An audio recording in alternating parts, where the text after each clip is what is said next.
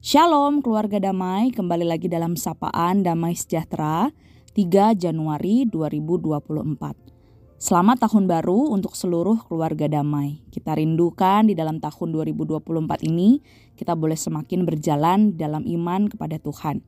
Mari kita mau bersama-sama merenungkan firman Tuhan bersama, kita mau berdoa. Tuhan kami mengucap syukur untuk tahun yang baru yang Tuhan berikan untuk setiap kami. Hari yang baru untuk kami boleh menikmati anugerah dan kasih dan penyertaan yang daripada Tuhan. Dan saat ini ya Tuhan kami rindu di tahun yang baru ini kami boleh berjalan di dalam iman. Kami semakin tekun, setia, percaya kepada Tuhan. Dan kami rindu firman Tuhan pada hari ini boleh sekali lagi meneguhkan hati setiap kami. Terima kasih Tuhan, berbicaralah kepada setiap kami dalam nama Tuhan Yesus, kami siap untuk mendengarkan kebenaran firman-Mu. Amin. Bapak Ibu Saudara, saat ini kita memasuki tahun yang baru di tahun 2024. Mungkin Bapak Ibu Saudara ketika memasuki tahun yang baru ini, sebagian dari Bapak Ibu Saudara excited untuk menjalani tahun yang baru. Tetapi mungkin ada juga dari antara keluarga damai yang mungkin was-was ketika memasuki tahun 2024 tahun 2024 di mana kita memasuki tahun politik dan mungkin bagi kita menjadi tahun penentu untuk kehidupan kita beberapa tahun yang akan datang. Baik secara langsung maupun tidak langsung berdampak bagi kehidupan kita. Bahkan sebenarnya tanpa tahun politik pun kita tidak tahu apa yang akan terjadi di sepanjang tahun ini. Entah itu di tengah keluarga, relasi, pekerjaan, pelayanan, studi, bahkan masa depan yang tidak pernah kita ketahui. Tanpa kita tahu akan masa depan itu, ternyata hari berganti hari dan waktu tetap berlalu. Apa yang bisa kita lakukan di tengah ketidaktahuan dan waktu yang terus berjalan ini, Bapak Ibu Saudara? Hari ini kita mau belajar dari seorang tokoh iman yaitu Abraham dalam waktu kehidupannya yang terus berjalan dari masa muda hingga masa tuanya.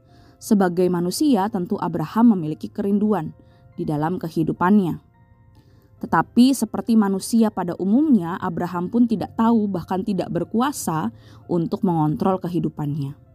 Namun satu hal yang dapat kita pelajari dari kehidupan Abraham yaitu imannya.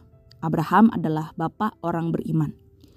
Pembacaan firman Tuhan kita hari ini terambil dari Ibrani 11 ayat 8 hingga 12. Demikian bunyi firman Tuhan.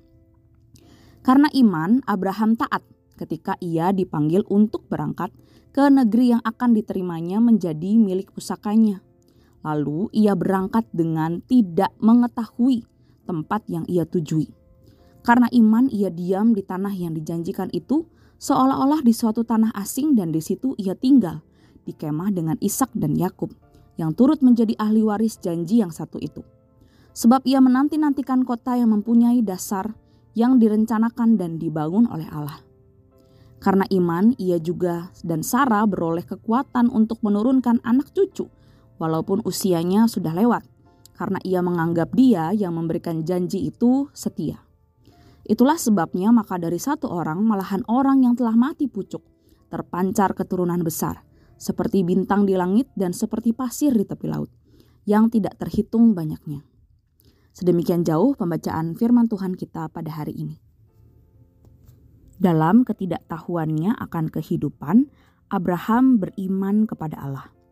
Iman Abraham bukan hanyalah iman yang pasif, tetapi iman yang aktif, iman yang nyata di dalam kepercayaan dan berserah kepada Allah yang terus memantapkan langkah iman Abraham untuk melakukan dua hal.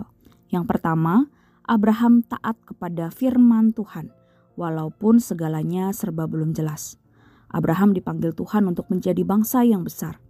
Di dalam kejadian 12 ayat yang pertama hingga ayat yang ketiga, Abraham menerima berkat secara jasmani dan rohani, termasuk diberkati secara teritorial berupa tanah. Ketika pertama kali menerima janji Tuhan, iman Abraham kuat dan teguh. Tetapi di dalam perjalanannya waktu, ada banyak tantangan bagi Abraham untuk tetap mempercayai janji itu. Di dalam perjalanan imannya, Abraham tidak goyah. Dan yang kedua, Abraham taat ketika diminta mengorbankan Ishak. Abraham percaya bahwa ia akan memiliki keturunan yang sangat banyak, seperti yang sudah dijanjikan oleh Tuhan. Namun kepercayaannya diuji ketika Allah memerintahkannya untuk mempersembahkan anak satu-satunya sebagai korban bakaran. Walaupun permintaan itu tidak masuk akal dan sangat sulit untuk dilakukan, Abraham tetap taat. Akhirnya Tuhan memberikan korban pengganti berupa seekor anak domba. Bapak Ibu Saudara dalam bagian firman Tuhan ini kita melihat bagaimana iman seorang Abraham ini tetap terus ia lakukan. Dia tetap terus bertekun di dalam iman. Yang pertama menjadi pribadi yang tidak hanya mempercayai tetapi dia juga melakukan firman. Dan yang kedua menjadi pribadi yang mempercayai janji Tuhan meskipun kesulitan dan tantangan dia harus hadapi di dalam menjalaninya. Bapak, ibu, saudara, inilah iman yang dinyatakan di dalam kehidupan Abraham, sang bapak beriman. Lalu, pertanyaannya, Bapak, ibu, saudara, dalam kehidupan kita, apa saja tantangan yang bisa dihadapi oleh orang-orang percaya pada masa kini untuk bertekun di dalam iman? Apa saja yang saat ini menghalangi, merintangi kita untuk bertekun di dalam iman kita? Dan yang kedua, pertanyaan selanjutnya, apa yang bisa kita lakukan agar kita tetap terus bertekun di dalam iman di tengah-tengah ketidakpastian hidup? Bagaimanakah kita bisa tetap terus taat kepada Tuhan di tengah-tengah tantangan hidup kita?